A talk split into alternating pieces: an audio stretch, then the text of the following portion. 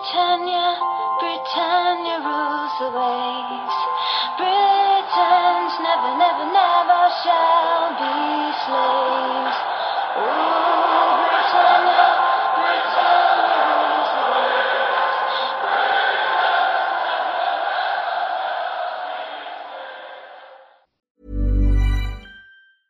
Hiring for your small business? If you're not looking for professionals on LinkedIn, you're looking in the wrong place. That's like looking for your car keys in a fish tank.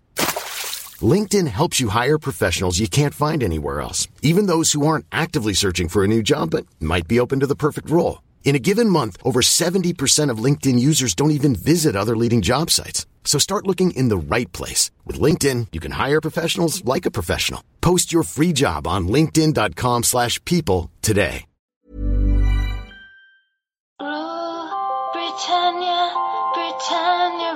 The waves. Britons never, never, never shall be slaves. Britannia, Britannia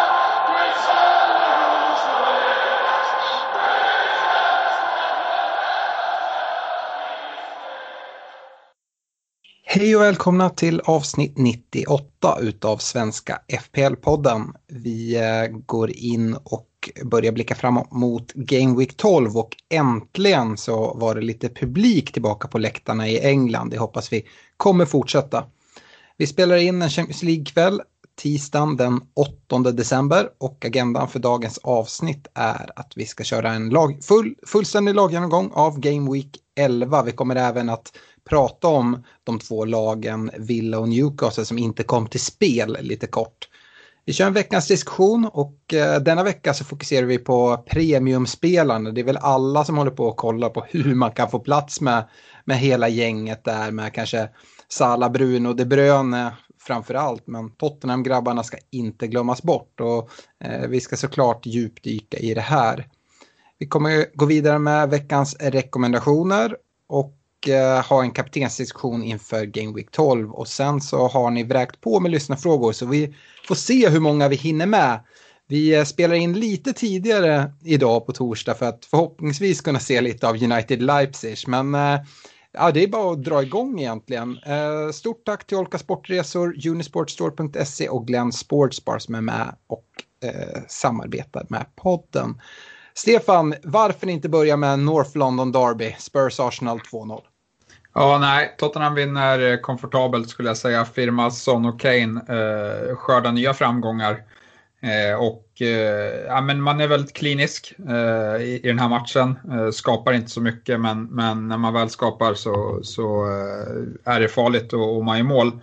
Eh, det är, liksom, det är ju den ständiga frågan här nu vad man gör med, med Son och Kane. För att som du säger så är det många andra premiumspelare som bankar på, på dörren och vill in i laget. Eh, men samtidigt så så eh, vet vi ju vad, vad Son och Kane kan göra. Eh, jag lutar väl eh, lite mer åt att Kane kanske är den som eh, kan hålla uppe eh, mer än, än eller sin poängskörd mer än vad, än vad Son kan. Å andra sidan så, så skiljer det lite i pris samt att eh, ja, men det finns eh, andra eh, intressanta eh, anfallare man kan gå, om man gå för om man inte väljer att, att eh, sitta på Kane. Då. Eh, I övrigt så har ju Tottenham nu eh, släppt in minst mål i hela ligan. Eh, så försvarsspelet fortsätter se fint ut och där gillar jag Reguljon eh, bäst. Eh, men som vi har varit inne på tidigare också så, så är matcherna inte de bästa och jag håller mig fortsatt borta från, Eh, från Spurs eh, försvarsspel. Eh, och det kanske är fel men, men jag är inte säker på att, att nollorna trillar in i, i stridström. Och, Eh, ja, men Region kostar ändå en hel del och då vill man eh, kanske ha mer än eh, nollan när man eh, investerar där. Eh, om vi kikar på, på, ja vi kan säga det också att eh, Ndombele eh, missar ju den här matchen men trots det så, så eh, ja, men stänger man ner Arsenal ganska lätt. Eh, och, och det kanske just var för att Ndombele saknades som Arsenal fick eh, liksom så pass stor kontroll över, över bollinnehavet. Annars kanske han hade kunnat eh, bidragit till att och, eh, förändra det eh, till, till Spurs fördel.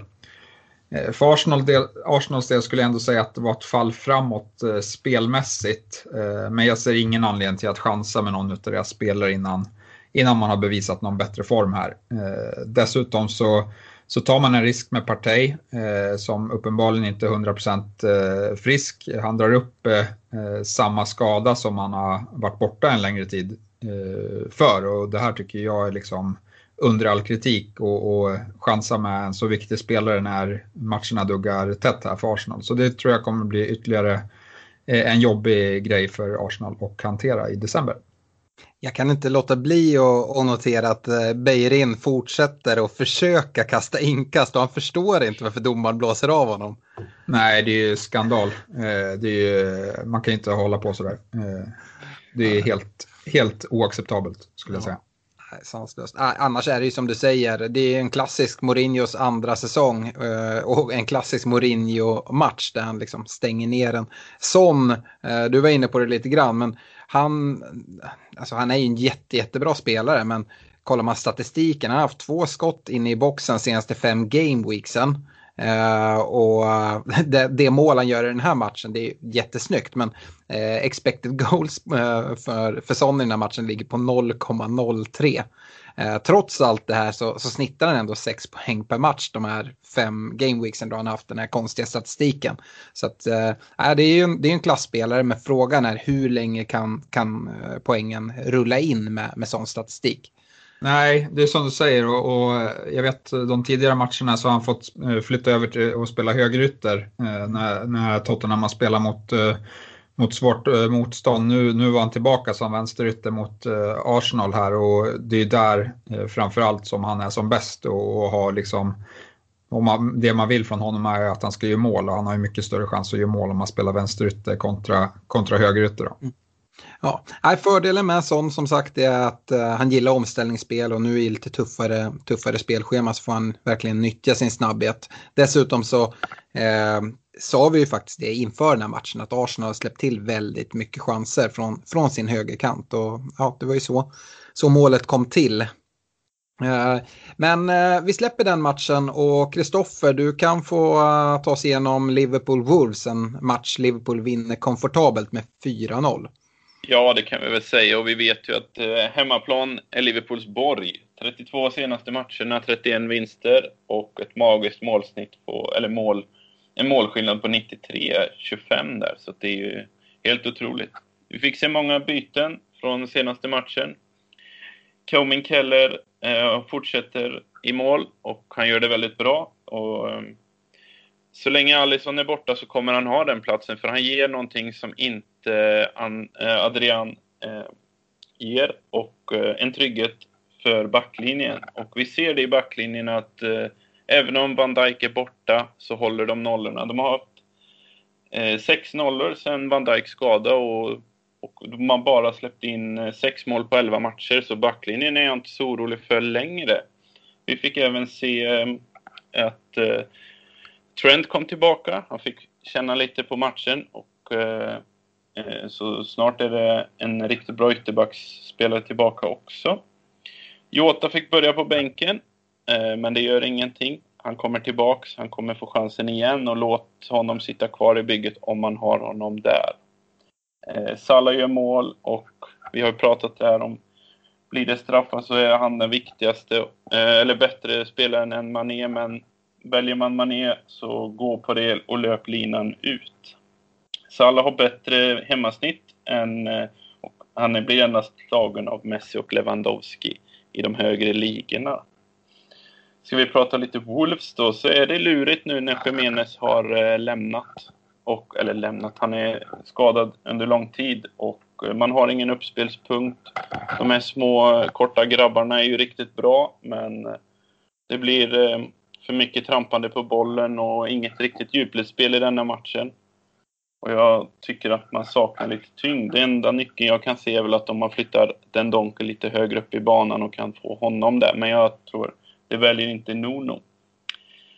Liverpools schema ska jag inte oroa mig för. Eh, det är bara att fortsätta ha dem. Men eh, Wolves däremot, de har lite tufft schema framöver och eh, de har Villa härnäst. Även när, eh, när vi närmar oss jul så är Burnley där och jag räknar inte den som en lätt match då de spelar väldigt tufft och mot de här korta anfallsglada spelarna så mm, kan det nog bli lite kämpigt.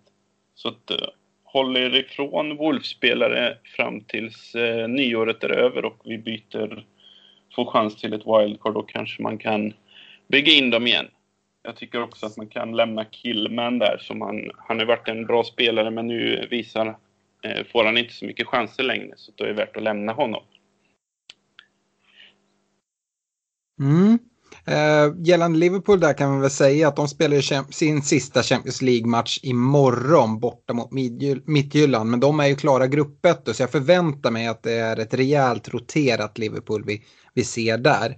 Eh, gällande Trent tycker jag det är intressant. Som du säger, försvaret ser ändå hyfsat stabilt ut och eh, han har sjunkit en del i pris nu. Jag tror att det är en spelare man kan, kan sticka ut lite med och jag förväntar mig att det kommer komma en del poäng därifrån. Eh, jag eh, ska gå vidare och prata Chelsea-Leeds, en match Chelsea vinner med 3-1 och jag har så mycket att säga om Chelsea. Eh, jag har en del att säga om Leeds också, men kanske framförallt Chelsea. Så vi börjar där. Och jag tycker Chelsea imponerar, både offensivt och defensivt, men i fantasy så har jag riktigt svårt på den offensiva sidan. om vi börjar defensivt, det jag tycker är mycket enklare, så har vi tydligt Chilwell som vi har pratat extremt mycket om i den här podden. Dessutom James nu som kommer eh, mer och mer och verkar ha gjort den där platsen till sin. Och det är ytterbacksplatserna de fyller på och de skapar en hel del. Men i den diskussionen glömmer man nästan bort eh, Kurt Zuma som eh, faktiskt är den eh, den försvarare i fantasy som har tagit allra flest poäng eh, med 67 eh, pinnar. Han är ju extremt eh, bra på huvudet och Chelsea är ju väldigt farliga på fasta situationer. Både Ziyech som har fina, fina fasta men även Mason Mount som har slagit en hel del.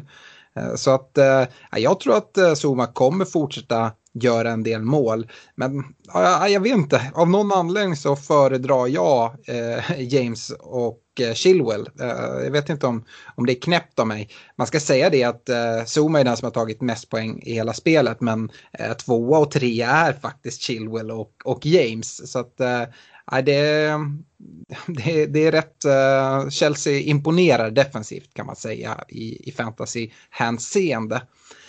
Eh, Ja, offensivt då. Det är där jag inte riktigt får ordning på, eh, på hur man ska gå, gå tillväga. Jag tycker att som sagt de ser bra ut offensivt men jag kan inte välja vilken spelare jag ska gå på. Kollar man de som, stå, som forwards i, i, spelet så är det Werner, det är Abraham, Giroud eh, och alla gör det bra. Werner har väl mycket mycket fått utgå eh, från en mittfältskant eller en offensiv mittfältskant.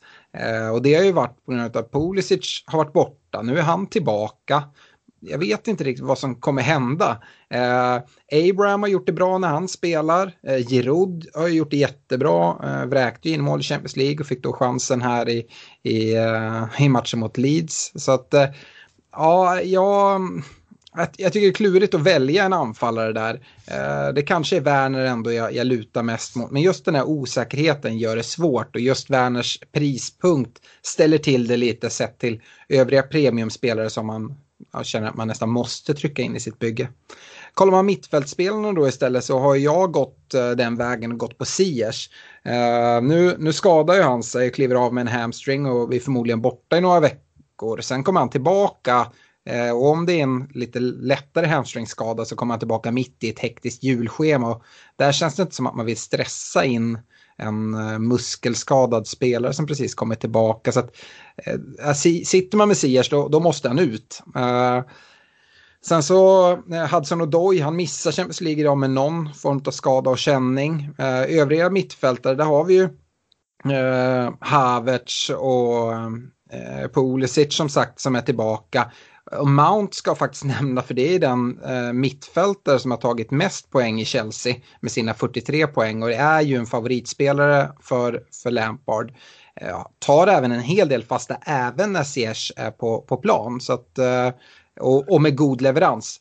Så eh, Mount skulle kunna vara ett alternativ där men jag har svårt och det kanske ger en anledning till att, att dubbla upp i försvaret. Uh, det är ändå offensiva spelare som har chans till offensiva poäng och då eh, kanske jag framförallt då föredrar eh, James och Chilwell.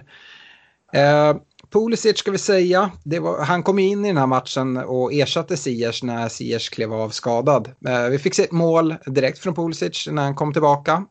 så Eh, men han är fin och han är väldigt bra på att fylla på in i boxen om man nu bara kan få vara hel. Eh, frågan är vad liksom den, det, Pulisic återtåg, hur det påverkar Timo Werner. Eh, I den här matchen så flyttades Werner över till högerkanten och det är någonting vi har varit lite oroliga för tidigare. Däremot i den här matchen så gjorde han det faktiskt väldigt bra därifrån och det är helt, helt galet att Werner bara kommer ifrån den här matchen med en ass. Eh, han har en uh, expected goals på 1,41 i matchen, vilket är väldigt, väldigt högt. Och, uh, ja, jag skulle nästan kunna tycka att den siffran borde vara ännu högre. Sen ska man säga det att Werner är den spelare som har haft flest stora chanser de senaste fyra gameweeksen. Men han har även missat en hel del. Eh, det som är intressant om man sitter med Werner det är att man, man ska möta Everton nu här i, i nästa, nu till helgen. Och uh, Everton är de som har släppt till flest stora chanser de senaste fyra gameweeksen. Så att ja, det, det kan vara en spelare att luta sig lite mot här i Gameweek 12. Eh, men som sagt, Werner missar chanser. Han har, han har faktiskt missat sex stycken chanser den här säsongen med ett högre expected goals-värde än 0,4. Och eh, det, det är en hög siffra. Ehm, ja, men eh, jag säger att Werner borde ta mer poäng. Även Giroud kanske borde ha gjort mer än, än sitt mål i den här matchen. Men den största anledningen till att det inte blir mer poäng det är ju Leeds storspelande målvakt Meslier som gör det riktigt, riktigt bra. Eh, Chelsea har kanske inte det absolut bästa eh, spelschemat på pappret, men jag tror ändå att de kommer göra det bra både på kort och lång sikt. Den sista Champions League-matchen eh, i, i eh, gruppen här spelas idag hemma mot Krasnodar. Och Chelsea klarar grupp ett år, precis som jag nämnde att Liverpool var. Eh, och eftersom de spelar idag vet vi hur startuppställningen ser ut nu när vi spelar in och det är ett väldigt B-betonat Chelsea. Eh, däremot kan vi konstatera att Abraham startar uppe på topp och Havertz spelar också. Jag vet inte om det är tendenser på att de eventuellt kan vilas här till helgen. Eh, nu pratar jag Chelsea väldigt mycket, men jag tänkte eh, Stefan, kan jag få skjuta in dig? Hur tänker du kring försvararna? Är, är det jag som är märklig som föredrar Chilwell och James före Zuma som, som har tagit mest poäng av dem? Ja, just nu kikar jag inte på att ta in någon annan än Chilwell, men om jag ska göra ett byte så kommer jag nog eh, gå för Zuma eh, på grund av, eh, ja men jag tror att James kommer roteras, eh, ja men säg två matcher här i december eh, mm. med tanke på att det är så tajt eh, matchande och Aspelekueta finns. Mm. Det är så Nej, jag tänker, mm. tänker där. Nej, det, det kan jag väl hålla med om att det är en säkrare startspelare på på mittbackar, framförallt i sådana här hektiska scheman då de inte slits på samma sätt heller. Ehm, men, men Leeds i alla fall, uh, det går inte att prata Leeds utan att nämna Bamford. Han fortsätter göra mål. Det är åttonde målet den här säsongen och eh, kollar man närmare på det ska man faktiskt se att sju stycken av dem är gjorda på bortaplan. Jag vet inte om det rör sig om en slump, men eh, för mig så ser han ut som en, en av de mest självklara anfallarna i ett bygge då sett till hans eh, låga pris. Vi fick se en tidig knäskada på, på Kock eh, och eh, det påverkar såklart deras defensiv negativt här framöver. Eh, Messlier i mål nämnde jag när jag pratade Chelsea men jag tycker det går inte att, att prata tillräckligt om hur, hur bra han gör I den här matchen har Chelsea en enormt hög, hög eh, expected goal-siffra på 4,21. Och han släpper ju tre mål men eh, utan Messlier hade det blivit eh, mer än så kan man lugnt konstatera. Eh, Stefan, eh, nu har jag hållit eh, en lång monolog. Du får gärna prata lite Manchester City Fulham. 2-0 blir det till City. Ja, men City har ju vaknat till liv, eh, men jag skulle säga att man kan fortsatt bli eh, än mer kliniska framför mål. Eh, man vinner ju här med 2-0, men har ju lägen för att vinna betydligt mer. Och Ja, men om vi ska ta, jag tycker Kevin De Bruyne är ju det solklara första valet. Uh, han kommer ju iväg uh, från den här matchen med 14 poäng, uh, men då har han ändå ja, med tre lägen där han skulle kunna sätta dit bollen också. En i ribban och ett missat friläge bland annat. Men samtidigt så nu väntar United, sen är det fortsatt bra matcher för City. Och vi vet ju vad Sterling har kapacitet att göra och Eh, Mares eh, verkar uppenbarligen vara i väldigt bra form eh, och fortsätter bygga på, eh, på det han presterade förra gameweeken här mot Fulham och har otur som inte kommer iväg med några offensiva poäng då han fortsätter skapa mängder med chanser för, ja, för framförallt för Sterling och, och De Bruyne. Då.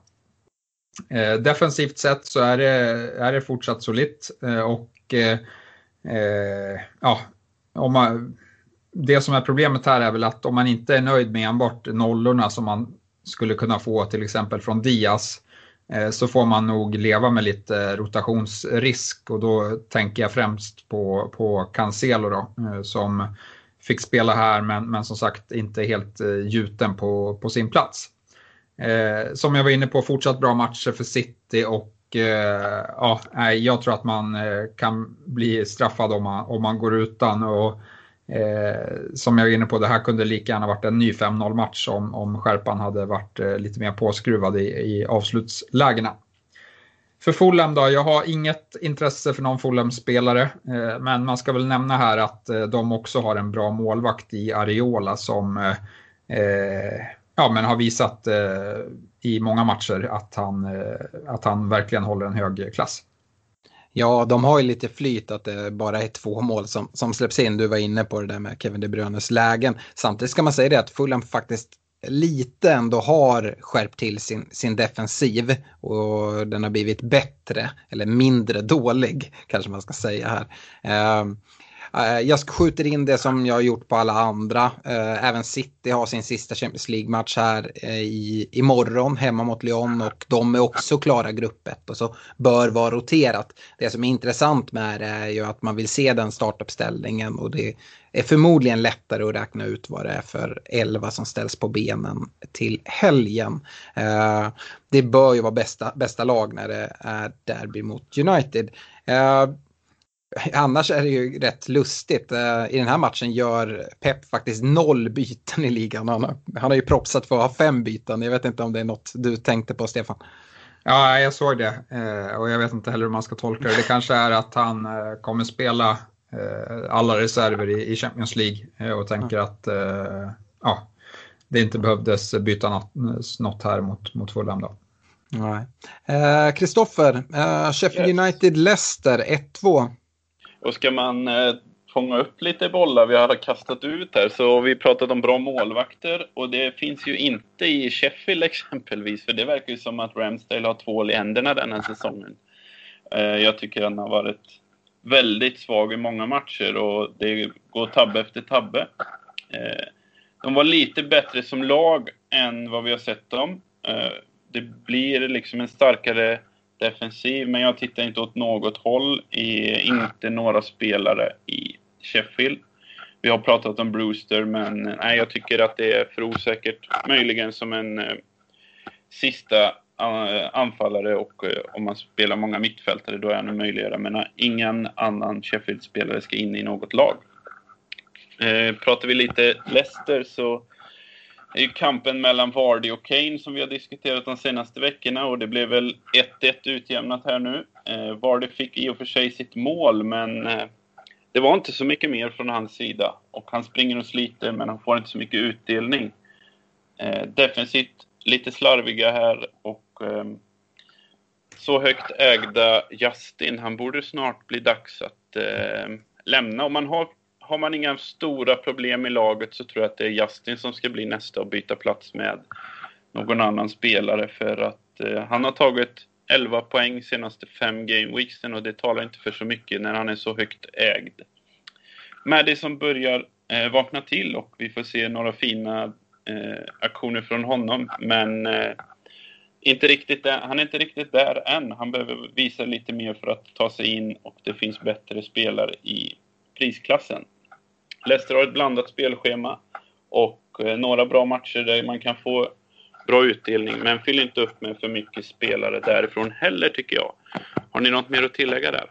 Jag vet inte vad du menar att det står 1-1 mellan eh, Vardy och Kane. Kane leder ju med, med mer poäng än, än Vardy de här eh, sen, sen vi pratade, pratade om det. Absolut, en uh, poäng mer har han men vi, jag tänkte mer på vecka, veckovis. Nej, men det, det som den diskussionen handlade om, eh, det var ju faktiskt att jag tyckte att det eh, var eh, ett ganska dåligt byte att göra Kane till Vardy över de här kommande fyra. Och jag tror att Kane lätt har möjlighet att matcha honom. Sen är det inte säkert att Kane kommer Eh, och outscora Vardy. Nu leder han i och för sig då. Men eh, bytena är värdefulla och det känns som ett bortkastat byte tyckte jag. Eh, vi får väl se, nu är vi halvvägs in i det och just nu så har eh, Kane en poäng mer än Vardy. Så de, de presterar ungefär på, på samma nivå även om jag tycker att Vardy kanske har lite flyt här med de, de målen som, som trillar in eh, i den här matchen. Det hade varit vansinnigt som Sheffield United-supporter varför inte Egan bara drar ner Vardy där i slutsekunderna när han är på väg att få friläget. Men det är en helt annan, annan sak. Eh, jag konstaterar att Sheffield United, de, de gör ju mål i den här matchen. Eh, men det är på fast situation, det är på hörna. Eh, och eh, kollar man nu på Sheffields första 11 Premier League-matcher, då har man gjort totalt fem mål. Men det är bara ett av dem som är ett spelmål. Eh, det bådar inte så gott för Sheffield och en tuff andra säsong kan vi konstatera. Sen så Pereira som har kämpat sig tillbaka från skadan fick ju en reaktion här och ser ut att bli borta nu 10 till 14 dagar. Så ja, det är tråkigt men det är ofta så där när man varit borta länge ja. från skada. Så är det. Men har man som sagt inga problem någon annanstans så är nog Justin den som... För han presterar inte på den nivån med det procenttalet. Han är ägarandelen tycker jag. Nej. Eh, jag ska gå vidare och prata West Ham och Manchester United. En match som United vinner med 3-1 men det är verkligen en match med, med två ansikten och två olika halvlekar. Vi börjar med, med United. Eh, här väljer Solskär att eh, vila Bruno och Rashford eh, då de har fått en del smällar. Vi vet att Rashford har haft problem med sin axel och Solskär nämner innan den här matchen att Bruno har fått en hel del smällar mot, mot sina fötter och är lite så här, ja men små, han är inte skadad men han, uh, han, han, skulle behöva vila och uh, Solskjaer sa att han hoppas att inte behöva använda dem i matchen. Men uh, det var han tvungen att göra så i halvlek kom, kom ju dubbelbytet och det blev ju en rejäl reaktion och vändning av, av United på det. Vi fick se Pogba på plan eh, från start och han har ju också en sån där match med, med, med två ansikten även om han är kvar. Eh, första halvlek är rätt dålig, andra halvlek är han bra. Eh, nu kom ju Raiolas utspel här eh, tidigare idag om att Pogba eh, måste lämna United och det liksom fortare än kvickt. Eh, det här har ju gett resultat nu om man kollar Eh, Eh, jag tror att Pogba hade startat här i Champions League om inte det uttalandet hade kommit. Men nu eh, inleder han alltså på bänk ikväll. Eh, I övrigt när Bruno Rashford kommer in då fick Cavani kliva av. Men det berodde, som vi fick reda på efter matchen, att Cavani hade fått Eh, en smäll. Han missar kvällens Champions League eh, men eh, Solskjaer försöker tona ner det och säger att förhoppningsvis så kan han tillbaka kanske redan till helgen. Även Martial klev av den här matchen och missar kvällens Champions League. Även där tonar Solskjaer ner det och borde inte vara en större skada. Eh, annars handlar ju egentligen allting om Bruno Fernandes, både i fantasy och i, i den här matchen. Han gör en helt otroligt. Han kommer in, spelar 45 minuter och slår ett säsongsrekord i eh, key passes. Han gör åtta stycken och då spelar han bara 45 minuter. Och det här är alltså rekord sett till 90 minuters match över säsongen. Uh, ingen har slagit så många alltså. Så att, uh, imponerande. Han tar två bonus trots att han bara spelar 45 minuter och är extremt nära på att ta alla tre. Eh, fortsatt eh, är Bruno bäst på bortaplan som han nu spelar. Eh, snittet om man kollar den här säsongen är 11,4 tar han på bortaplan och 4,8 hemma. Eh, det hoppas vi ändras som United-supporter. Eh, för kommande sex eh, matcher så är fyra stycken hemma på Old Trafford. Vi fick se att eh, Telles eh, står för en ny fin assist Och eh, samtidigt kan vi konstatera att Luke Shaw eh, ser ut att vara tillbaka. Han startade idag i Champions League, men även Telles startar. Eh, vi får se lite hur Solskjaer resonerar där. Jag tror att eh, de kommer få rotera lite grann och ibland kanske till och med spela båda två. Eh, om de väljer att spela en fembackslinje så tror jag att Shaw kanske tar eh, en av de tre centrala medan Telles tar wingback-rollen. Eh, ja, vi, annars så stod Henderson för United, första Premier League-matchen för hans del, gör det stabilt. Eh, de Gea var ju lite känning men spelar här i, idag i Champions. Och eh, som jag nämnt om alla andra så är det ju sista Champions League-matchen eh, för United, men där är ju gruppen långt ifrån avgjord. Så att det kommer gå för fullt idag och vi får se. Det kanske eh, är en liten fördel till, till City eh, inför helgens match som då kan, kan rotera den här veckan. Går vi över till West Ham så, eh, så gör de det väldigt bra i, i första halvlek och verkligen spelar ut United. Men Eh, West Hams tidigare så hyllade defensiv bör nog få sig en översyn nu när de släpper in mål här femte matchen i rad. Eh, jag tycker att Bowen är en sån spelare som fortsatt imponerar på mig när jag kollar när han spelar. Men poängen kommer inte. Så att, eh, ett trångt mittfält där det är svårt att liksom, hitta utrymme för spelare. Det, jag kan inte se att man kan ha Bowen där riktigt. En spelare man däremot kan ha och som presenteras även i den här matchen det är ju Zuzek. Jag tycker han är en jättefin tillgång för 4,9 och perfekt för en sån här game week. Har man honom sitta ganska ofta på bänk samtidigt som man kan spela honom i vilken match som helst. Och här när det blev en blank game week så, och många börjar använda sina bänkspelare då är Zuzek en perfekt spelare att få in. Um, Antonio fortsatt borta. Uh, vi får väl se. Jag tror ju att de här skadeproblemen kommer hänga med honom stor del av säsongen då det är så tajt spelschema. Eh, vi fick även eh, besked här tidigare idag om eh, en första blank game week för West Ham. Det kommer förmodligen vara, vi har pratat lite grann om det, att Game Week 18 ser ut att bli en sån Game Week då många, eller i alla fall ett par lag kommer att ha blanks.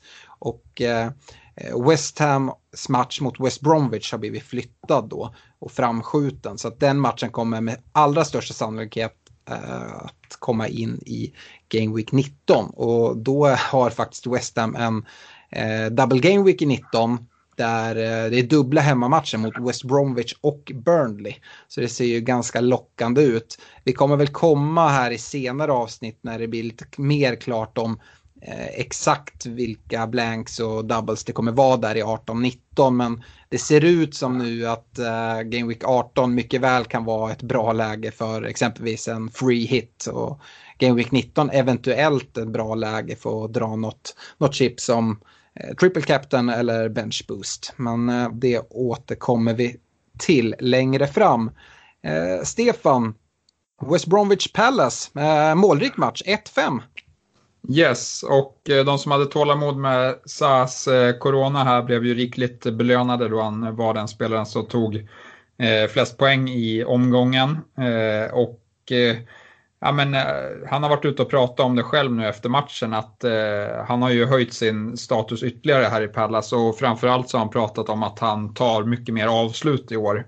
tar liksom på sig den eh, bördan och, och, göra mål på ett helt annat sätt än vad han har gjort tidigare då han har mer försökt hitta lagkamrater i, eh, när han själv har varit i fina eh, lägen. Så att det, det är en eh, liksom, egenskap som han eh, har jobbat på och där han eh, känner sig redo att kunna bidra på ett eh, bättre sätt och det har vi sett eh, här i, i, år att han, har, att han kan.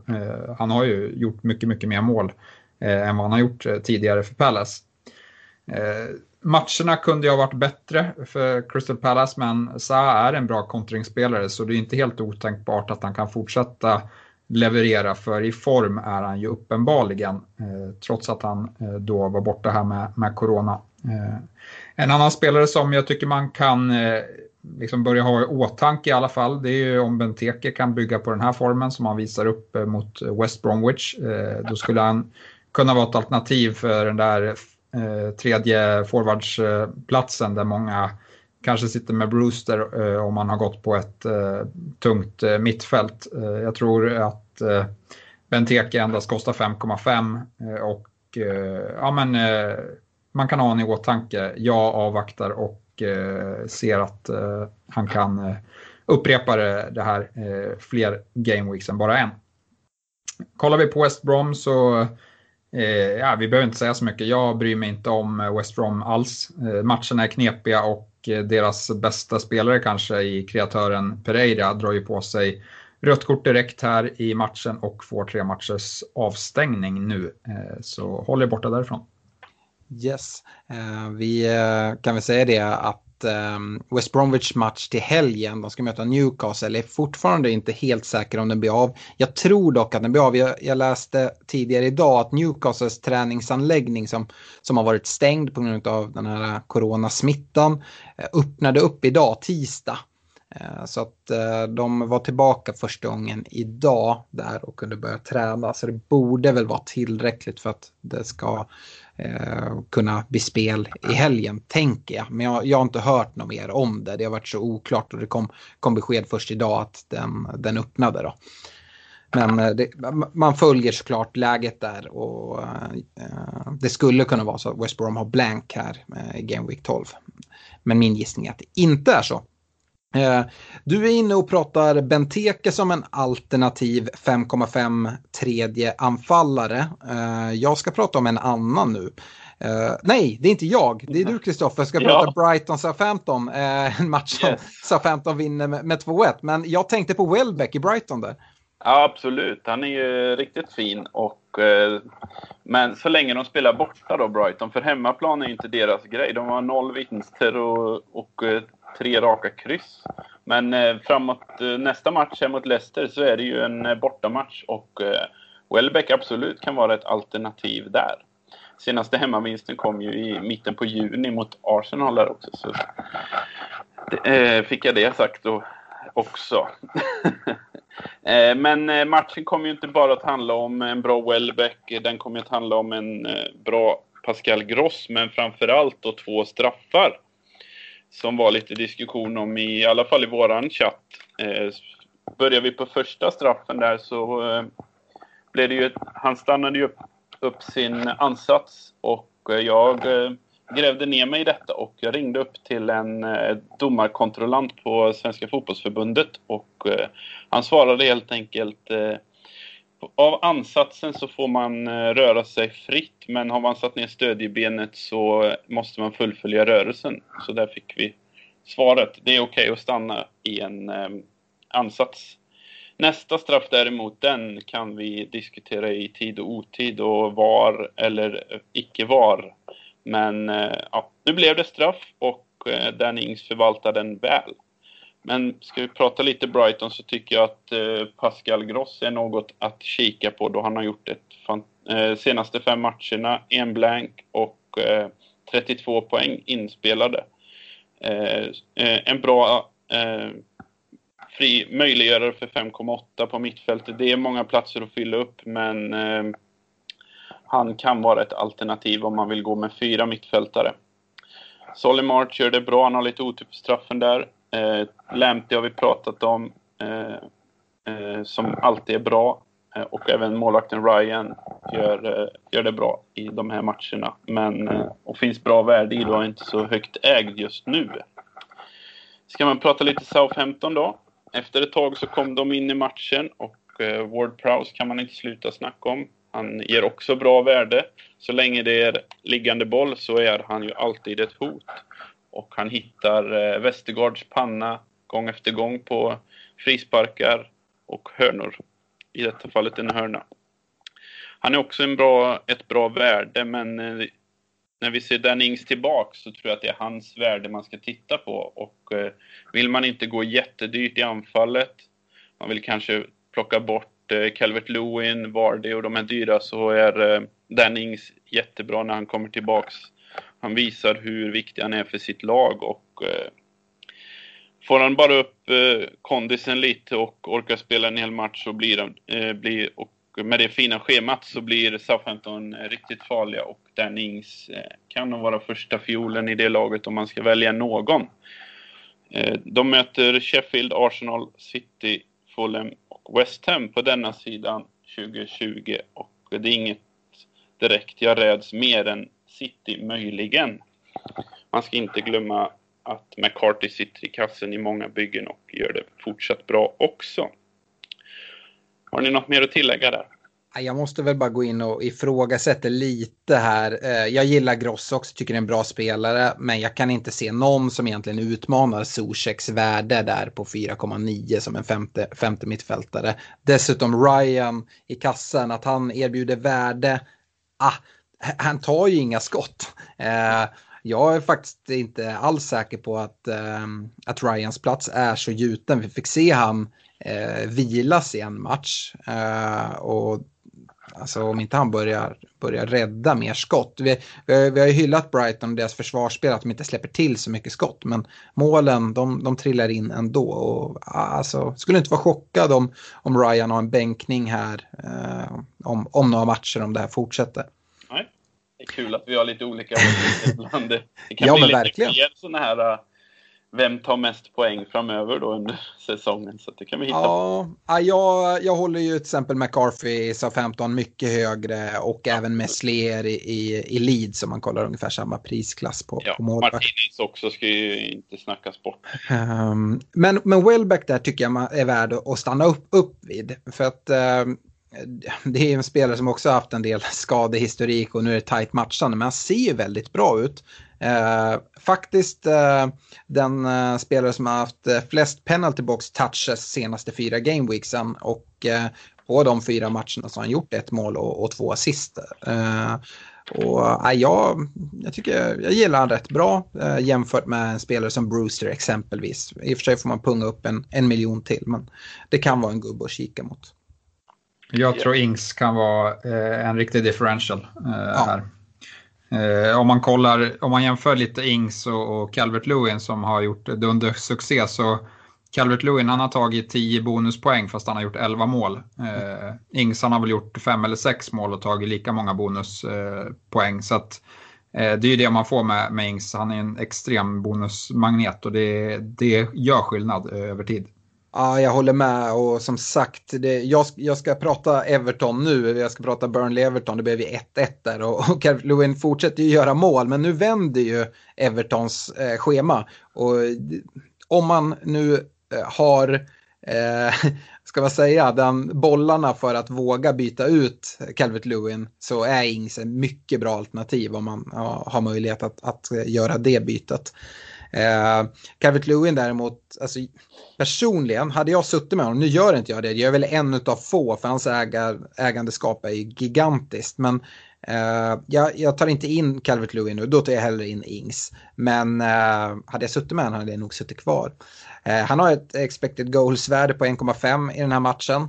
Och eh, eh, något som jag tycker också är väldigt eh, imponerande och eh, som jag gillar det är att alla de här 11 målen han har gjort den här säsongen det har varit inne i boxen. Eh, det är exakt där han ska vara och det vet han om, det vet eh, hans medspelare om och det är mycket sådana avslut som bara har kommit till honom där han petar till bollen med huvudet eller en tå eller någonting. Eh, han ska inte hålla på och försöka dra sig ut ur boxen, dra någon gubbe och sånt. Då, men, och det har han förstått. Ancelotti har fått honom att förstå det och jag tror att Calvin Lewin kommer, kommer leverera poäng framåt här även i ett svårare spelschema. Däremot defensivt, alltså Everton är ett av ligans sämsta defensiva lag tycker jag. Så att, eh, jag tycker absolut att man kan börja pinpointa dem när man letar kaptensalternativ. Vilka är det som möter Everton? Eh, det kommer bli målrika matcher. Eh, jag tycker Richarlison Charlison också är en väldigt bra spelare men jag tycker det är väldigt svårt att argumentera för honom framför Calvert Lewin då jag tror att Calvert Lewin kommer, kommer göra mer mål helt enkelt. Uh, ja, men bakåt då, jag, jag var inne på det. Uh, Everton har faktiskt inte hållit nollan sedan Game Week 1 och det är inget lag som har släppt till fler skott i boxen Eh, eh, eh, det är 63 stycken eller fler stora chanser, 20, sett till de senaste sex gameweeksen. Det är inte många matcher alltså, men det är många chanser och det är mycket skott. Eh, dessutom ska man säga det att det här senaste spelschemat, kollar man senaste sex matcherna så har det faktiskt varit ett riktigt gynnsamt spelschema. Eh, nu vänder spelschemat, eh, kommande fem så är det Chelsea, Leicester, Arsenal, Sheffield och City som ska mötas Ja, det, jag ser inte många nollor där. Eh, ja, det skulle vara Arsenal då, Stefan. Eh, och Sheffield United då eventuellt. Men eh, jag tror även att de mycket väl kan göra mål mot Everton. Eh, sen så är det en del ytterbacksproblem i Everton med skadorna. Nu, var, nu klev Delf av här senast, men eh, det verkar som att Coleman snart ska vara tillbaka i alla fall. Gällande Burnley har jag inte mycket att säga. Eh, jag tycker att Pope är riktigt bra i kassen. Eh, men han lockar ändå inte eh, sett till, till sitt pris. Och i övrigt så, så, så kollar jag inte heller så mycket mot dem. Ser ut som sagt att de kommer ha dubbelvecka här då i, i Game Week 19. Men ja, just nu så tar inte jag in någon från Burnley i alla fall. Stefan, kan du säga någonting om, om Villa och Newcastle innan vi eh, går vidare från laggenomgången?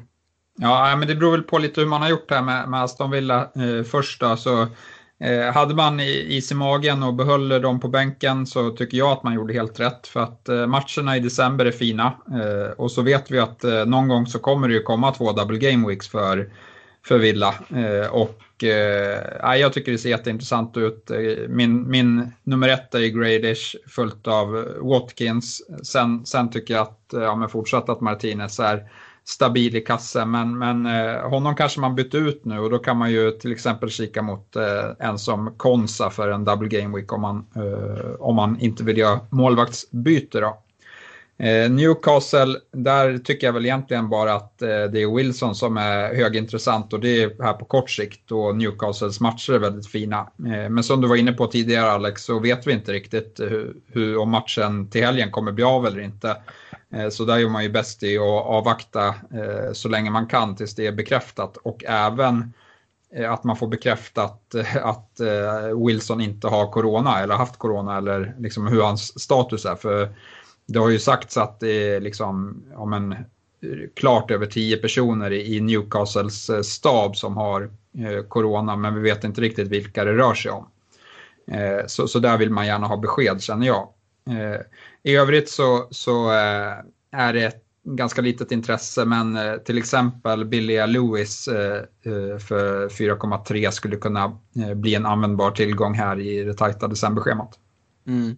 Men vad säger du Stefan, nu med, med tanke på att träningsanläggningen öppnade idag tisdag så bör väl matchen komma till spel mot West Bromwich i helgen va?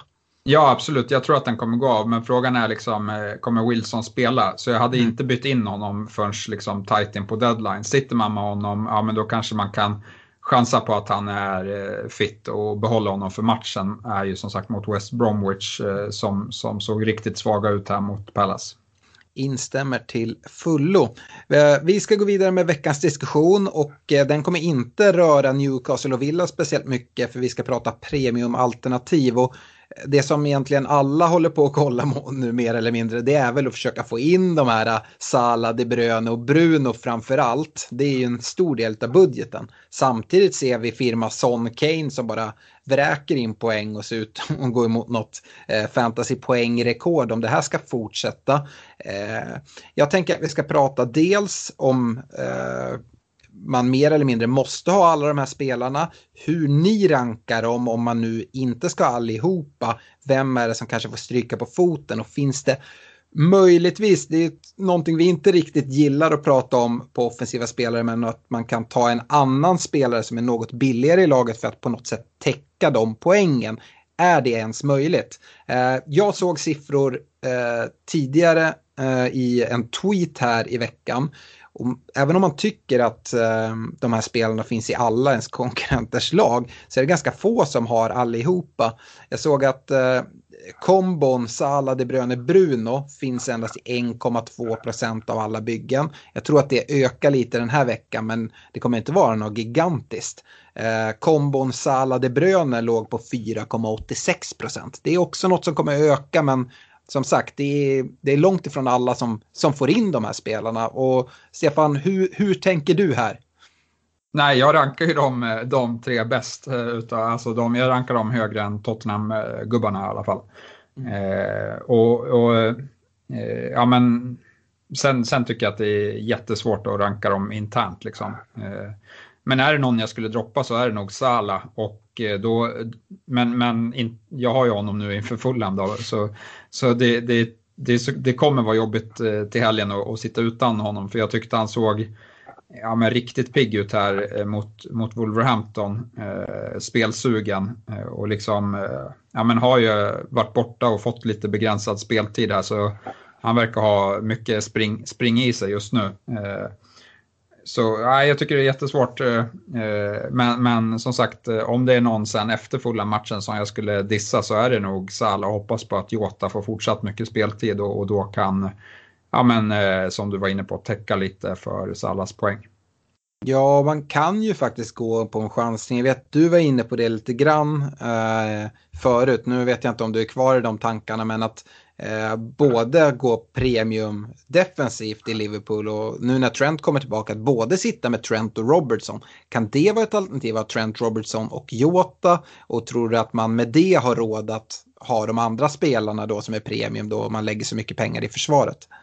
Ja, men då kommer man ju ha mycket mer pengar eh, såklart. Eh, så ja, jag, har, jag tycker man står vid ett väldigt vägskäl här. Eh, kanske, ja men det beror på hur ens byggen ser ut eh, här och nu eh, inför, inför nästa Game Week. Jag sitter ju till exempel utan Bruno just nu men kommer inte göra det max eh, en Game Week till. Sen ska han in.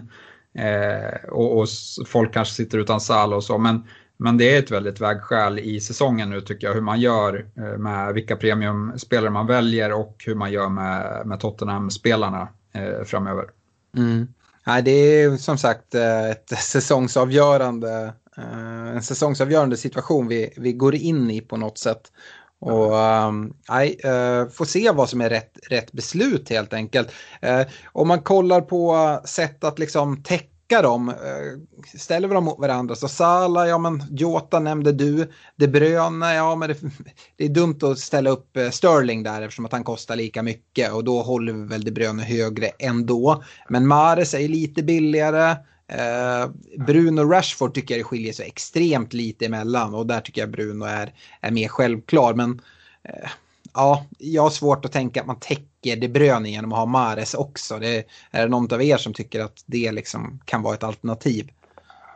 Nej, jag kan bara hålla med dig där. Jag tycker eh, den enda intressanta i United exempelvis är ju Bruno. Sen finns, jag ser inte så mycket värde i de andra, i mitt lag i alla fall. Sen har man olika åsikter, men eh, om man ska jämföra KDB och eh, Mares så, så gör man nog fel i det. De är två skilda eh, spelartyper. Och Mares kan vara jättebra, men inte för... Eh, han har sina jättebra poängveckor och sen kan han gå ner i en sån här låg... Eh, där han inte tar några poäng på ett par gameweek. Då gäller det att tajma det. Det som, det som är så speciellt med de här premiumalternativen som jag tycker, vi har pratat om det tidigare, hur viktiga straffar kommer vara den här säsongen. Sala, De Bruyne och Bruno är samtliga straffskyttar i sina respektive lag också. Så det är liksom, tala ännu mer för dem. Eh, jag vet inte, jag, det optimala mittfältet om man ska ha obegränsat pengar på något sätt, det är väl Salah, De Bruyne, Bruno, Son och, och Graylish kanske. Eh, va, ja, inte obegränsat pengar, då kanske man kan blanda in Sterling och Mané också, men det känns helt orimligt. Är det någon annan ni vill skjuta in i, i ett sånt mittfält? Nej, det beror ju på Jota då. Eh, mm. Om han får fortsatt speltid. Eh, mm. För de har också bra matcher.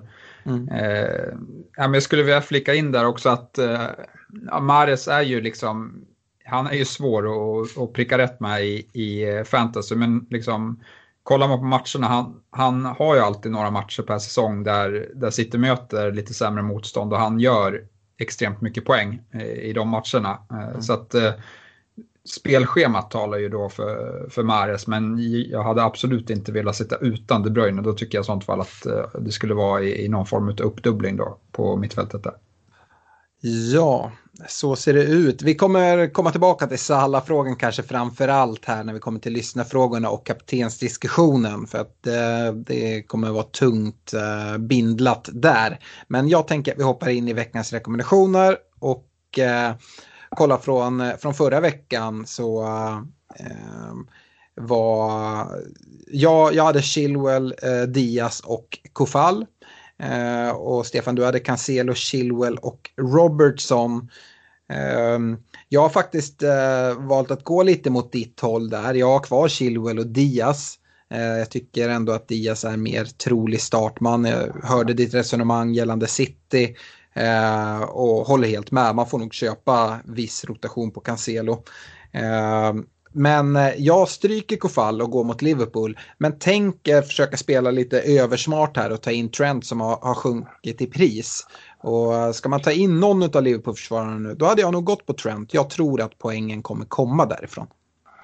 Jag håller med med Trent. Nu, nu får vi se om han är redo för start eh, redan till, mot fulla, men det, det, har han väl goda chanser till att göra. Men som sagt, Robertson har ju spelat extremt mycket och kommer säkert vilas någon enklare match här eh, framöver. Eh, jag, utav mina gubbar så behåller jag Chilwell Robertson, men jag plockar ut Cancelo för jag tycker att det är lite för jobbigt med den där rotationsrisken eh, i honom. Eh, samtidigt som Leeds matcher ser jättefina ut tycker jag och eh, jag plockar in Dallas där eh, som eh, ja, men har spelat en hel del mittfältare nu på slutet när Alioski har eh, fått spela eh, på ytterbacken eh, och gjort det bra. Eh, liksom kommer till till en hel del avslutslägen framförallt och, och kan ta offensiva poäng samtidigt som ja, men Leeds eh, försvarsspel har helt okej chanser till nollor skulle jag säga, även om nu insatsen mot Chelsea var, var lite, eh, lite sämre defensivt. Men vi har ju sett att eh, Leeds eh, sätt att spela eh, kan ju eh, kosta när man möter de här absolut eh, topplagen eller offensivt. Mm. På, på mittfältet så var vi helt ö, överens med Bruno, Kevin De Bruyne och Jota i, i förra veckan. Jag kan kasta in en back där som jag tycker ska med i diskussionen. Det är Westergaard i Southampton. De har bra schema och han ger bra pris. Mm. Ja, absolut. Och egentligen som sagt, jag pratade jättemycket om, om Chelsea. Jag tycker det finns ett case att, att dubbla upp där, antingen då med, med Zuma eller, eller James också. Men, ja. eh, eh, på mittfältet som sagt, vi, vi var överens där med De Bruyne, Jota, Bruno. Eh, och eh, då, då har vi inte med Salah där, men på något sätt så ska han väl också in. Men eh, ja, jag vet inte, jag, jag väljer ändå att stryka Jota. Eh, och Vet, han var kortsiktig in i mitt lag och det var ju för att jag var tvungen att ta ut Graylish på något sätt när han inte skulle spela. Men jag känner att jag måste ha med Graylish eh, på, på ett mittfält. Jag känner inte att jag måste ha Jota däremot. För att eh, jag tror att eh, han kommer få mycket speltid men det är också en spelare som i, inte på något sätt är en talisman i sitt lag på samma sätt som Bruno, De Bruyne, Graylish och Salah är eh, sett till den här tajta julperioden. Det går typ inte att vila de spelarna. Jota ser absolut att kan få eh, fler alltså, bänk, bänkningar än, än övriga spelare. Så att eh, Jota åker ut, Graylish kommer tillbaka in i min värme i alla fall. Ja, jag behåller mitt mittfält som det är just nu, men jag är, jag är helt med dig på den tanken där om eh, att Jota har, absolut är det största rotationshotet. Just nu, jag tänker det generellt sett, de, de, spelare jag tar in nu, då kollar jag hela vägen fram nu i december månad och julschema. Eh, man vill ha de här talismanerna eh, som, eh, ja men om, om det laget gör mål, då är Grailish, alltså i Villas fall, då är Graylish inblandad. Newcastle med, med Wilson, alltså sådana spelare, det tycker jag, ja, det är de man ska sitta med helt enkelt. Ja, Kristoffer, har, har, du någon på mittfältet där du vill skjuta in också? Nej, där kan jag bara hålla med det, det ni har sagt faktiskt. Det ser jättebra ut. Mm. Eh, anfallet, Stefan, vill du fortsätta envisas med, med Vardy där? Du har Vardy och Calvert Lewin. Ja, nej, Vardy blir kvar. Eh, han har fina matcher och, och levererar poäng. Eh, att, Hur ska du eh, få ihop det här mittfältet med Vardy då? Ja, men det har vi. Vi har inga sådana begränsningar. nej, okej. Okay. Nej. nej. Eh, nej, men Vardy blir kvar. Eh, hans plats eh, kan ju såklart bli Ings. Eh, vi får se vad vi får eh, mer från Ings, eller får se mer från Ings här nästa Game Week. Men jag behåller Vardy för nu. Eh, däremot så stryker jag på Calvert Lewin. och det kanske är kontroversiellt då han är ägd av över 62 procent av av lagen. Men jag tycker som sagt att eh, de här monsterhålsen som han hade i början, eh, de har försvunnit. Eh, och samtidigt så, så tar han knappt några bonuspoäng längre heller när han gör mål för att han bränner för mycket. Eh, så att eh, Eh, jag, tror, eh, jag tror att han kommer få svårt att hålla uppe sin poängskörd nu när matcherna blir svårare dessutom. Eh, och då tycker jag en spelare som Bamford, eller jag tror mer på en spelare som Bamford eh, här framöver. Tycker du, jag var inne på det att eh, om man sitter på Calvert Lewin att man lugnt kan sitta kvar. Men du menar att de här 62 procenten eller vad det rör sig om bör kolla med och, och switcha ut honom nu? Eh, nej men jag kollar, eller det är absolut ett alternativ för mig, inte till den här veckan då, då jag kommer försöka behålla mitt byte. Eh, men eh, absolut så kollar jag på att byta ut honom för att då få eh, råd att ta in eh, eh, Fernandes på mittfältet. Mm. Eh, och även om du då tycker att man kan ha Vardy och De Bruyne och sånt i de här rekarna så har jag gått på det billigare alternativet med mina forwardsida för att eh, jag tycker värdet är i mittfältet och då kan man inte sitta med Vardy, Kane och de även fast de har bra spelschema och, och sådär. Så att eh, jag har fortsatt, jag sitter kvar med Wilson och Bamford som jag nämnde förra veckan. Bamford som sagt, jag nämnde det i laggenomgången på Leeds, jag tycker att han kanske är den den anfallare som är mest självskriven i, i mitt lag i alla fall för det värde som man ändå ger. Eh, Wilson är också en sån där spelare som, ja, men som sagt är en talisman så att eh, han, han, ska, han kommer spela, han kommer göra mål när Newcastle sätter dit den och då kommer han även ta bonus. Så att, eh, jag väljer att gå riktigt billigt på, på anfallsrekarna. Och, uh, ja, Nej, det, så ser det ut. Nu håller jag på att tappa det helt här för nu gör Leipzig 2-0 efter 12 minuter i Champions. Uh, nu, får jag försöka fokusera. Uh, vi ska gå vidare, eller eh, nu glömmer jag bort dig igen Kristoffer. Har du något att skjuta in på anfallarna? Nej, det tycker jag att ni har det helt klart en bra tanke. det är väl bara Ings som är, man är lite lurig över honom där, men jag tror att han kommer leverera bra så vågar man skjuta på hanen direkt så mm. tryck nu och så tjäna, tjäna in de slantarna och poängen mot era motståndare. Det är ett bra shout. Ja. Uh, differential. Uh, jag fortsätter att dominera den här tävlingen. Plocka poäng. Uh, Mares tar fyra pinnar och uh, outscorar både Jesus och Barnes. Uh, Jesus tar två pinnar och Barnes kommer inte ens till spel. så jag har fyra Eh, poäng i tävlingen och börjar lura redan nu på vad vi ska sätta för straff här, Stefan. Ja, nej, det här går ju åt helvete. Så det, jag har redan skrivit in en förlust på den här. Ja, det är härligt. Eh, Game Week 12 nu så är det jag som väljer först. Och eh, mitt val faller ändå på... Oh, jag står och väljer mellan två spelare. Eh, mitt val faller ändå på Mason Mount eh, i Chelsea. Ja, Okej, okay. ja, jag kommer dra en riktig rövare här eh, och hoppas på en argentinsk, eh, eh argentinsk eh, tränare. Eh, och jag väljer Rodrigo i, i Leeds. Okej, okay, där ser man. Mm. Uh, jag stod och valde egentligen mellan Mount och Pulisic. Som sagt, Chelsea möter Everton och Everton släpper till så sjukt mycket chanser så jag tror att det kommer bli poäng därifrån. Eh, jag, går på, jag går på derbymatch och uh, Sterling. Sterling alltså. 4,0 procent. Mm. Ja, han visar fin, uh, fin form ja. här senast. Uh, jag räknar med en vinst även den här veckan då. Eh, kaptensdiskussion. Eh, jag ska inte sätta kaptensbindeln på en Mason Mount. Eh, vi har en fredagsdeadline även den här veckan. Det är Leeds som möter West Ham på kvällen på fredagen. Så deadline 19.30. Och eh, du var inne på det i ditt differential-val där, Kristoffer, att United och City möter varandra. Ja. Eh, det är klart man kan sätta binden där, men de allra flesta blickarna vänds ju mot Liverpool och då är det väl Sala. Är det liksom, har man Sala då är det väl en no-brainer, eller? Det tycker jag nog ja. Absolut. Ja, jag tyck, ja, alla dagar i veckan. Eh, min bindel kommer sitta på Sala eh, oavsett här.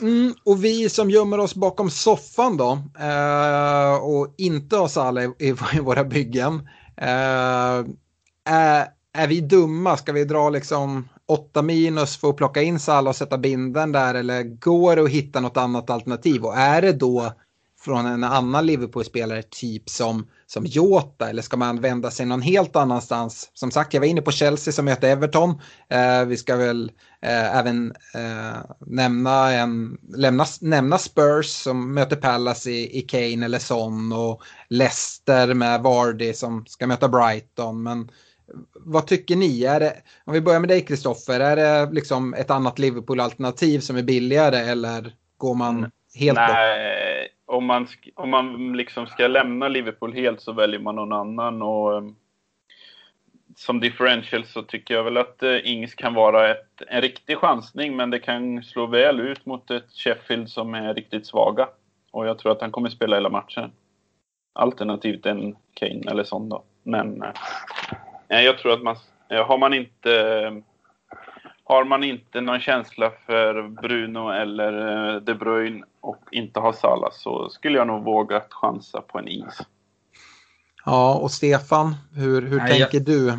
Jag ser många forwards ta poäng här. Jag tycker Kane kanske är det bästa kaptensvalet efter, eh, efter eh, vad heter det, Salah. Mm. Men jag, jag, tror mycket både på Ings, på Vardy och på Wilson eh, i den här gameweeken också. Mm. Du, du nämner inte Jota där när du rabblar upp namn. Uh, tycker du att om man inte har Sala eller eventuellt Mané, uh, då, då sätter man inte binden i Liverpool eller? Jag vet inte. Det, alltså Champions League kanske kan ge oss lite ledtrådar. Uh, det finns väl absolut ett case för att liksom sätta den på Jota och hoppas att, att Klopp eh, spelar alla fyra tillsammans. Då. Annars så är det nog en stor rotationsrisk. Liverpool har ju fått tillbaka en hel del mittfältare nu eh, och kan spela med, med tre in i mittfältare och då blir det en plats eh, kort i anfallet. Mm. Ja, det, jag tycker det är jätte, jättesvårt. Jag har inte sagt mycket. Jag tycker ju också att Salah är det självklara. Eh, självklara eh, kaptensvalet såklart. Men eh, jag sitter inte med honom. Just nu har jag binden på Kane. Eh, jag tycker ändå det känns helt okej, okay, men eh, alltså... Uff. Det som... Ja. Mm. Det som inte jag gillar det är ju att Liverpool och Tottenham möts typ tre dagar senare. Eh, och det kommer ju påverka, alltså säg att de tar de här matcherna hyfsat enkelt mot Fulham och Palace, då, de kommer ju byta ut eh, spelare och, och grejer eh, mm. för att vara redo till, till nästa. Ja, eh, men ja, vi, vi kommer komma och prata Sala och byta in honom och ta minus och sådana här saker. Och då kommer vi prata mer om det här. Uh, vi, vi hoppar över i lyssnarfrågorna nu tycker jag. Det är Sala som är, är självklara och sen finns det en del andra alternativ om man då sitter utan honom. Uh, innan vi hoppar in på Sala-frågorna så tar vi några andra. Vi kan börja med Ludvig Fridolfsson som uh, undrar lite vad som hände med blanksen från omgång 1.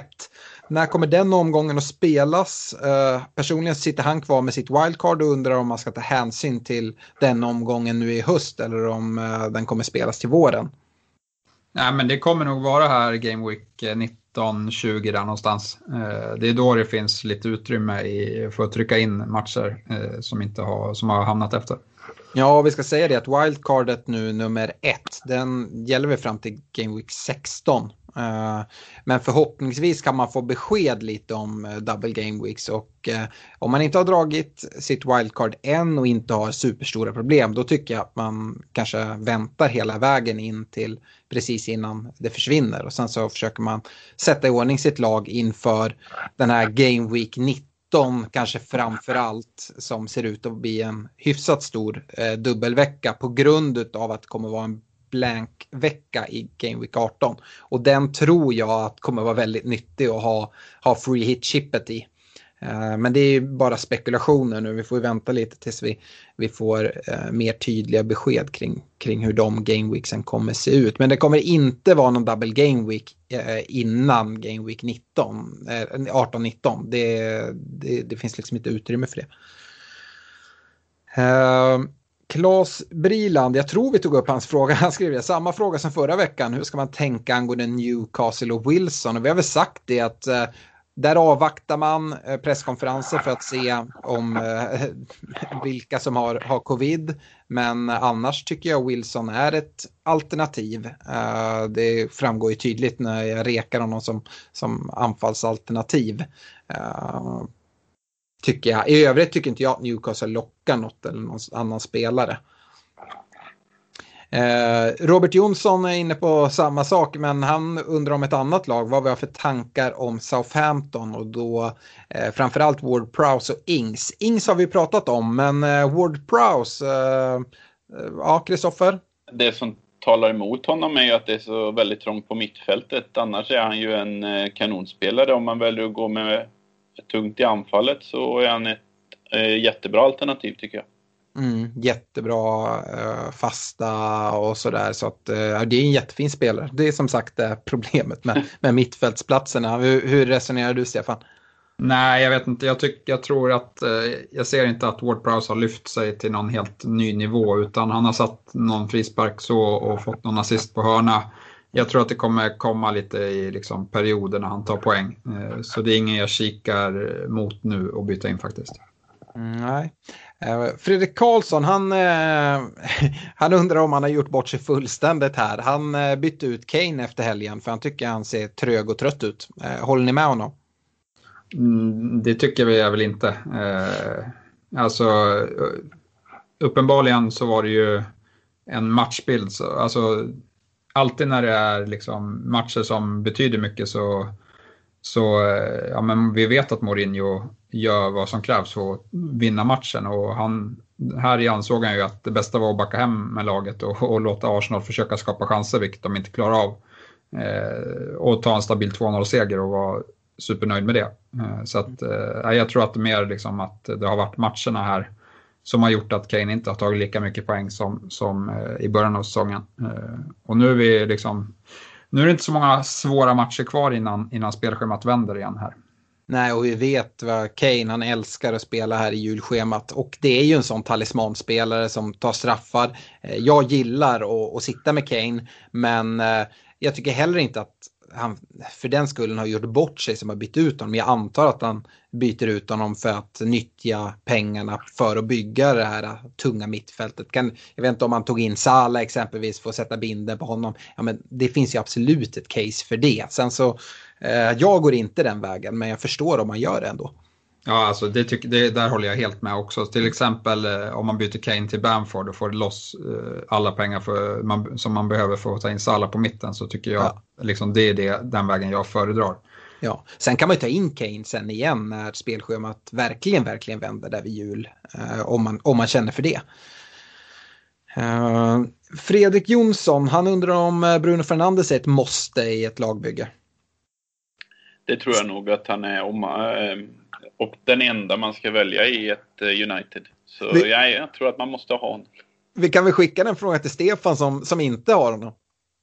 Ja, nej, men det var ju lite på grund av matcherna. Eh, mm. Alltså West Ham och City som jag inte hade någon panik att byta in honom. Visst, det var ju fel.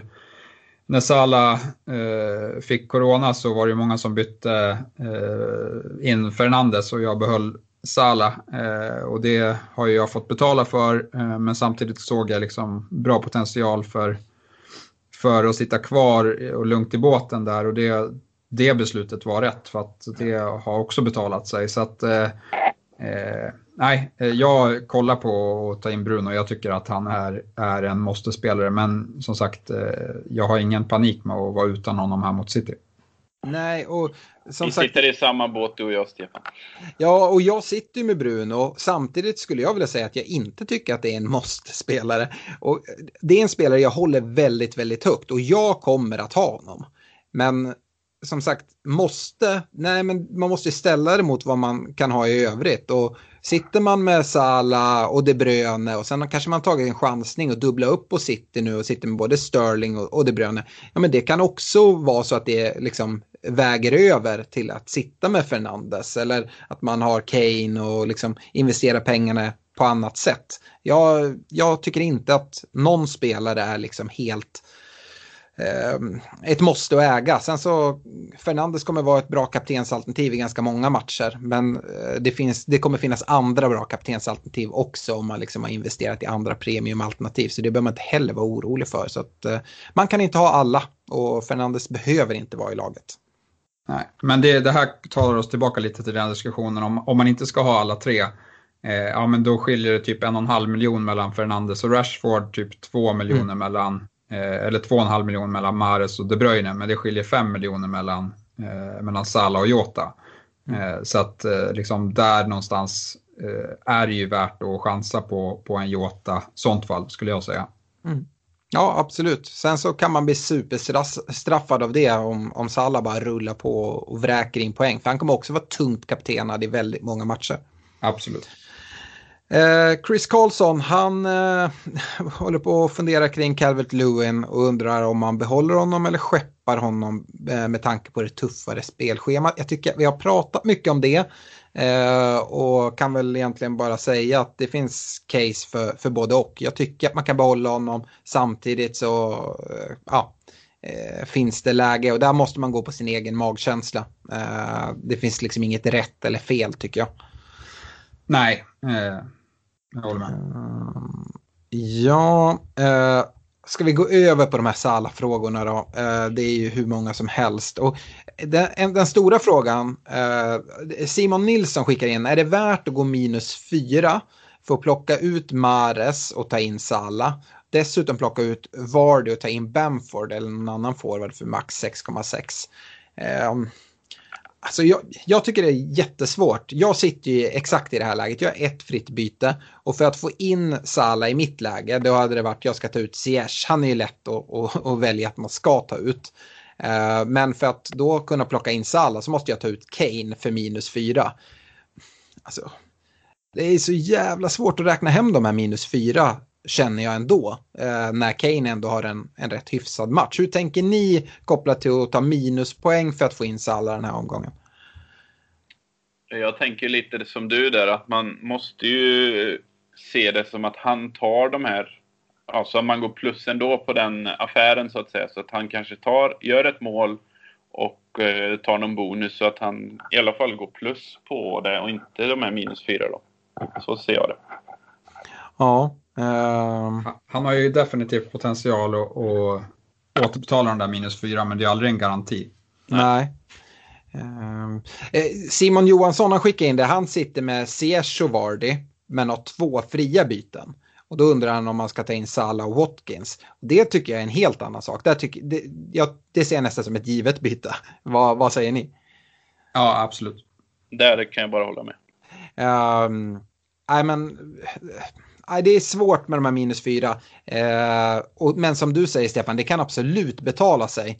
Eh, men då är det också, för mig, då, då väljer man på något sätt, tar man de här minus fyra, då väljer man mer eller mindre att ja, men nu ska jag ha Salah en längre tid. Eh, inte att man sen veckan efter ska ha in De Bruyne istället för Salah eller Bruno om man inte har dem. Eh, då, får man, då får man nog eh, gå på det tycker jag.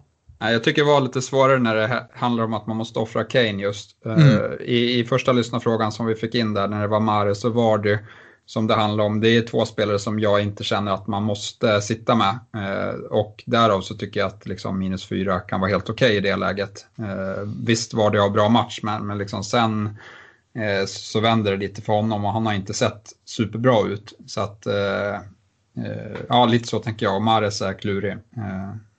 Mm. Vi behöver inte skynda och avsluta det här avsnittet för att eh, man vill inte se United just nu i alla fall. kan jag säga. 3-0 blev det nu. Eh, Andreas Melin han eh, bytte ut Salah efter hans positiva covid-test eh, och tanken var att gå utan honom ett tag. Eh, men eh, nu så tycker han att han såg så fin ut mot Wolverhampton och funderar på att ta in honom. Enda spelaren som han är villig att plocka bort är Sterling. Uh, och uh, det kan man väl köpa ändå. Uh, hur, det är ett byte jag skulle kunna tänka mig att göra ganska enkelt. Ja, absolut. Sterling har väl typ aldrig gjort mål på United heller. Eller är det inte någon sån statistik? Du har väl bättre koll där, Alex? Börja inte jinxa något sånt. jag släpper, släpper tre mål på en halvtimme här. Det blev bortdömt. Ja, jag ser det offside. Ja. Nu sträcker han upp armen. Ja, det känns ändå rätt dött det här. Eh, Isak eh, Berglund undrar eh, om man gör liksom kortsiktigt. Vad tycker ni om att ta in Sala den här veckan och sen byta hon, honom mot Kevin De Bruyne nästa vecka? Eh, jag måste byta ut Sa, Saha, Saha för Sala och två av tre anfallarna, antingen Vardy, Kane eh, och Calvert Lewin mot anfallare runt 6 miljoner. Jaha, ja, då kan... måste han göra tre byten. Ja, Okej, okay. ja, Stefan?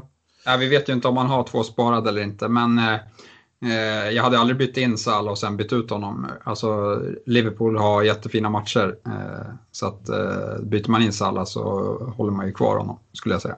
Ja, eh, men då går han helt utan Kevin De Bruyne och han ska ta minuspoäng för att ta ut Nej, jag, jag, hade absolut inte gjort det.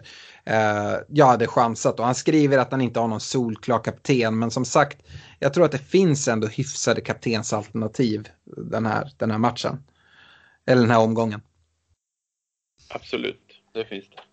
Uh, yes, Joakim Hansson uh, undrar, Ziyech ska ut, men ska man satsa på att byta ut honom och Kane för att få in Salah? Det är exakt det här läget jag stod inför eh, och väljer att inte bli, byta ut honom. Nu sitter jag med hans lag framför mig. Eh, så eh, jag vet inte, är det så att man har två byten, så två fria, så kan det finnas ett case för att eh, plocka Kane och Ziyech för att få in Salah. Jag, jag tycker att man inte gör det om det innebär minuspoäng. Jag har jättesvårt att plocka ut Kane för minus den här veckan. Eh, och där tycker jag vi lämnar eh, Sala-byten och sådana saker. Jag tycker vi har pratat tillräckligt om det. Eh, Jonas Köhler däremot, han vill få in Kevin De Bruyne och har två fria transfer. Eh, Sier ska ut och eh, han måste nog sälja Kane då för att ha råd. Eh, vågar man gå på Wilson och hur ser läget ut i Newcastle inför helgen? Ja men det har vi pratat om, men vad, vad tänker ni där för att få in Kevin De Bruyne, ta, ta in eh, ta ut Kane, det kan man väl ändå vänta en vecka med, eller? Ja, det, det håller jag med om. Eh, anledningen till att han säkert vill göra det nu det är för att han behöver plocka ut eh, Siers då. Ja, men då är det nästan lättare, eller jag skulle nog i så fall om man är osäker på Wilson gå dra ner eh, Kane till eh, Ings och eh, då har man råd från Siers till eh, Kevin De Bruyne va? Jag tror nästan det borde... Oh, det är tveksamt, skulle jag säga. Nej, det är inte jag heller helt säker på. Nej, det beror på hur mycket han har på banken. Men... Ja, eh, nej, eh, nej. Jag har hans lag framför mig. Eh, och eh, tycker att han kan formera ett, hyfs, ett hyfsat lag även om man sitter kvar med Siers eh, en, en vecka. Det kan kännas lite konstigt att göra. Eh, men jag gillar bytet att få in Kevin De Bruyne istället för honom. Och det kan han inte få den här veckan utan att uh, uh, han plockar ut Kane skulle jag säga. Och mm, nej. nej. jag gillar inte det. Nej. Uh, Marcus Gustafsson, byta ut Connor Cody mot uh, Westergaard. Det nämnde ju du där, Kristoffer. ja, det behöver inte vara ett felbyte. Jag har svårt att se eh, Wolves vinna många matcher nu när de inte har någon riktig uppspelspunkt. Men, eh, och eh, visst, de är starka defensivt, men det har sett lite rörigt ut nu på slutet så det behöver inte vara fel. Jag tror nog att du kommer ångra dig när jag ser resten av frågan här. Det ska tilläggas att han redan sitter med Walker Peters och McCarthy. Det skulle alltså innebära en upptrippling i Southamptons försvar. Nej, då, då håller jag mig eh, försiktig där, absolut. Ja, nej, det avråder jag starkt emot. Han undrar om vi har något Först. annat förslag på en back för runt 5 miljoner om man nu vill skicka ut Cody i alla fall. Dallas tycker jag är ett fint alternativ här. Mm.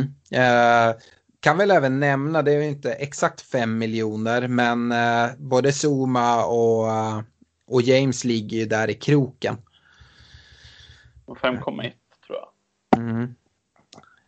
Eh, Filip McLean han har två fria byten. Uh, Sier ska ut mot Graylish, tycker jag är ett bra byte. Sen skulle han vilja få in Wilson om han är spelklar och undrar vem av Shay Adams och Watkins man skulle skeppa. Shay Adams för mig. Ja. Det håller jag bara med om.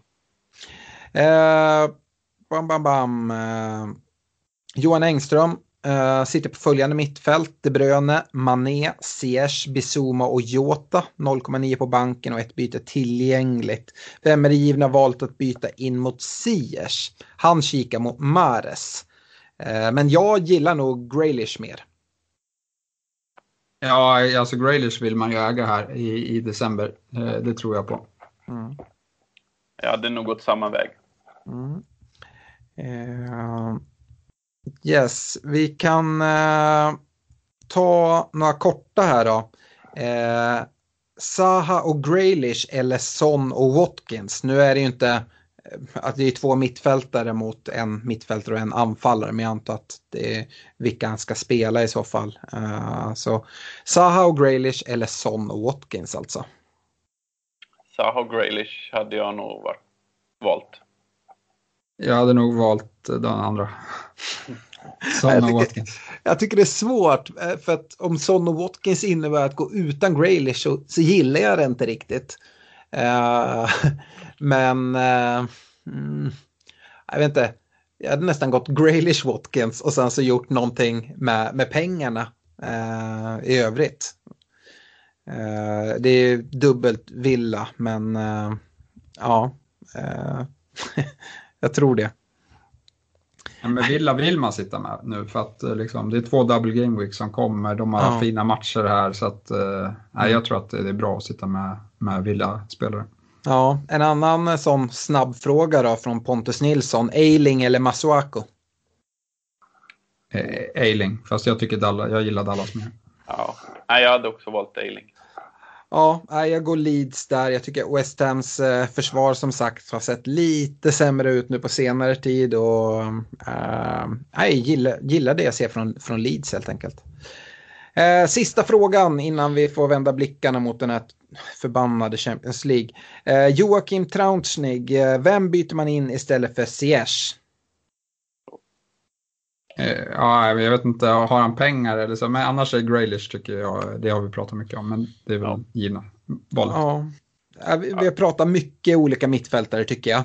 Eh, och eh, ja, det är nog, det är nog Graylish som är eh, ett, det tydligaste valet om man ska, ska nämna någon, tycker jag ändå. Jota är en eh. bra pant för en game week, skulle jag säga om man redan har Graylish. Mm. Eh, känner du dig trygg med att Jota kommer att starta mot Fulham nu när han vilades här senast? Nej, det vet, alltså, men, men, samtidigt Klopp brukar väl kunna avslöja en del inför.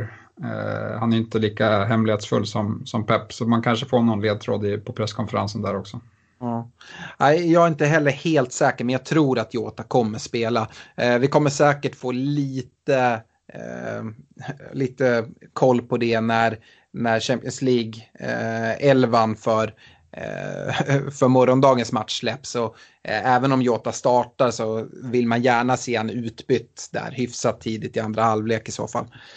Det är inte helt otänkbart att han tar Firminos plats och att Firmino vilas till Tottenham-matchen som kommer vara tuffare. Ja, så kan det mycket väl vara. Eh, med det så tycker jag vi tackar för oss och Eh, önskar alla stort lycka till inför eh, Game Week 12. Jag eh, nämnde det förra podden tror jag jag skulle vara med i Premier League-podden i en Facebook Live-sändning förra veckan. Den blev inställd. Däremot siktar vi på att köra den här veckan. Så på torsdag kväll så siktar vi på att svara på lite frågor, både kopplat till fantasy men även Premier League i stort. Så kolla gärna in där och ställ lite frågor. Men nej, stort tack för att ni lyssnar och eh, på återhörande. Ha det bra. Ha det.